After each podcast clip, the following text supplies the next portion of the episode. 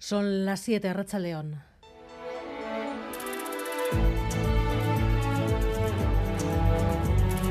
Gambara con Arancha García.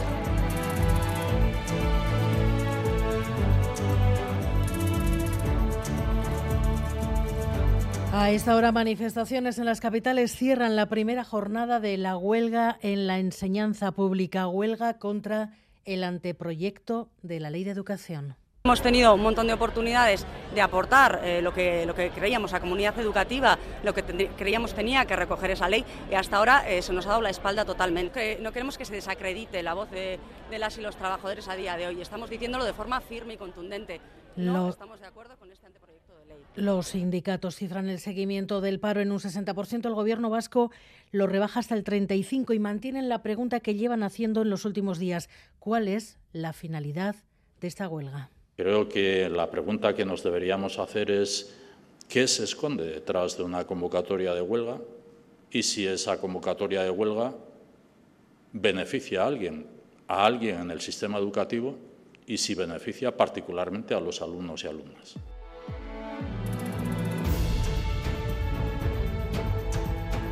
Y primera rebaja de condena a un agresor sexual en Euskadi. La audiencia de Vizcaya decidió la semana pasada revisar de oficio todas las condenas firmes entre 40 y 50. El primer caso revisado ha sido este y primera rebaja de la pena en año y medio David Beramendi.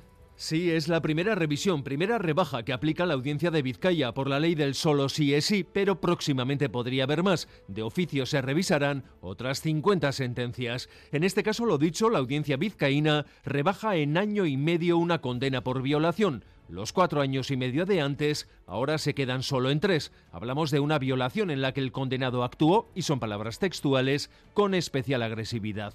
Por su parte, en Guipúzcoa, los magistrados de la audiencia se reúnen mañana jueves para unificar criterios. En Guipúzcoa ya hay varios recursos, por ejemplo el del tatuador Donostierra, o el del joven que en 2017 violó a una menor de 16 años en los San Pelayos de Zarauz. En unos minutos entrevistamos aquí en Gambara al abogado de la víctima de este caso, la primera revisión a la baja de un condenado por agresión sexual, en este caso en Vizcaya. Y a las 8 al portavoz de Unidas Podemos en el Congreso, a Pablo Echenique. Vamos a preguntarle por la última bronca en el Congreso, esta entre la ministra Irene Montero y el PP.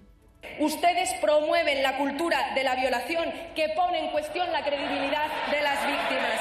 Y miren, ustedes votan. Silencio, por favor. Y le vamos a preguntar también por estas palabras de la ministra de Justicia. Por primera vez, tras la no unificación de criterio por parte del Supremo, abierta a revisar la ley. ¿Hay posibilidades de que tenga que cambiar la ley? Vamos a estudiarlo detenidamente. Muchas gracias, La otra imagen del día, eh, Grande Marlasca, solo en el Congreso, sin el apoyo de ningún otro ministro, repitiéndose en una versión sobre lo que pasó en junio en Melilla, que ya nadie cree. RC ha abierto una brecha en el bloque de los socios. Son los primeros en decir que, si está mintiendo, tendrá que dimitir.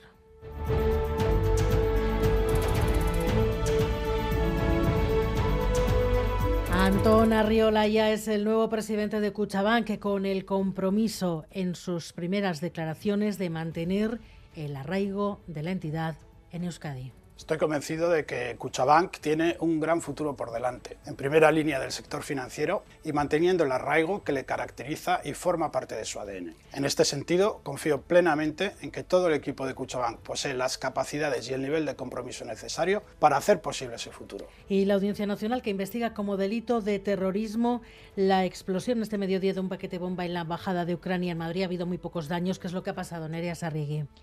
Pues un paquete sin remitente que contenía un artefacto explosivo ha llegado a la embajada ucraniana por correo ordinario este mediodía, no ha pasado el escáner y un operario de seguridad lo ha abierto, ha explotado y el trabajador ha resultado herido leve. El ministro del Interior, Fernando Grande Marlasca, ha anunciado que reforzarán las medidas de seguridad en los alrededores de la embajada de Ucrania.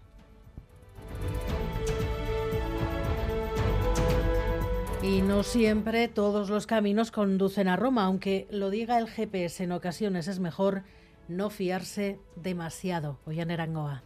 Ha ocurrido a media mañana. El camionero, un hombre de 64 años y residente en Granada, circulaba por la Nacional 121A. Ha seguido las indicaciones del GPS que le han llevado hasta esta pequeña localidad, Etulain, en el Valle de Anué, y de apenas una treintena de habitantes, y allí se ha quedado atascado en una calle. A esta hora, ahí sigue el camión a la espera de una grúa que pueda mover gran tonelaje. Hace un mes le pasó lo mismo a otro camión en ese mismo punto. Una pareja de transportistas polacos quedó encajonado entre dos muros y allí permaneció 14 horas hasta que lo pudieron mover con una grúa. Malas pasadas que nos juega a veces el GPS. El Departamento Vasco de Seguridad pide, entre tanto, especial precaución en la A15, en la entrada hacia Donostia desde Iruña, por la presencia de aceite en la calzada. Y en cuanto al tiempo, las últimas horas de hoy se presentan tranquilas pero frías. Mañana bajarán las temperaturas más. En Álava podríamos bajar de madrugada de los 0 grados y en la vertiente cantábrica no se descartan precipitaciones para la tarde-noche de mañana. Pero antes de que llegue mañana, es tiempo para los deportes. Diego Arambalza, León. Hola, ¿qué tal? La León. Se completa la primera jornada del Parejas. Lo hace Neibar con el partido entre Lezcano y Tolosa ante Lordi y Zabaleta. Miquel Bilbao, León. A León, Diego, amigos de Radio Euskadi, conexión oportunísima. Ha terminado el partido, 7 para el Lezcano Tolosa, 22 el Ordi Zabaleta, el partido que nacía desnivelado con la baja de Altuna y esa desigualdad se ha notado desde el principio en la escena de Ibartarra. El marcador es que reflejo de lo que ha acontecido en el remozado recinto armero. Zabaleta que ha dominado de principio a fin a Tolosa. La pegada, la diferencia pegada ha sido descomunal entre ambos y luego ese dominio lo ha aprovechado el Ordi, que en su debut ha firmado hasta 12 tantos. Buen debut del delantero de Mayor. Terminó el partido aquí en el frontón Astrena Ibartarra. 7 eh, para el Ezcano Tolosa, 22 el Ezcano Zabaleta. Es que recasco Miquel en baloncesto, Bilbao Basket recibe a partir de las 8 al Igoquea en la Champions y en fútbol Mundial de Qatar, Túnez ha ganado a Francia por 1-0, Australia ha hecho lo propio ante Dinamarca por idéntico resultado, así que Francia pasa a octavos como primera de grupo y Australia como segunda. A las 8 Polonia Argentina y Arabia Saudí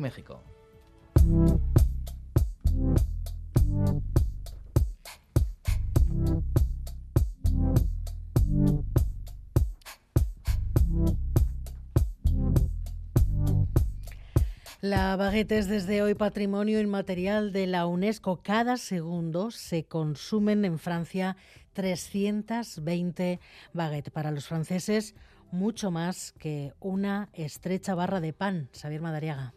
Ir a la panadería en Francia es todo un ritual. Pedir una simple baguette es pecado mortal. Uno la pide bien cocida, media cocción o poco hecha. Vamos, como el que aquí va a un restaurante Michelin y le preguntan cómo quiere la mejor carne del mundo. La baguette patrimoine mondial. La baguette es noticia destacada del día al otro lado de la muga. Los franceses saben bien lo que se traen entre manos y lo han sabido defender a lo largo de la historia. Frente a los panes a mitad de precio de las grandes superficies, sacaron el decreto del pan. Desde entonces una baguette solo puede tener harina, agua y sal, nada de química. Si no, no es una baguette. On travaille une matière qui est une matière vivante et c'est ça qu'il faut comprendre. 65 centímetros de largo, 250 gramos, esponjosa por dentro, crujiente por fuera. A partir de hoy es patrimonio de la humanidad, todo un espaldarazo a las panaderías tradicionales que lo necesitan. En los 70 había una por cada 800 habitantes, hoy es una por cada 2000.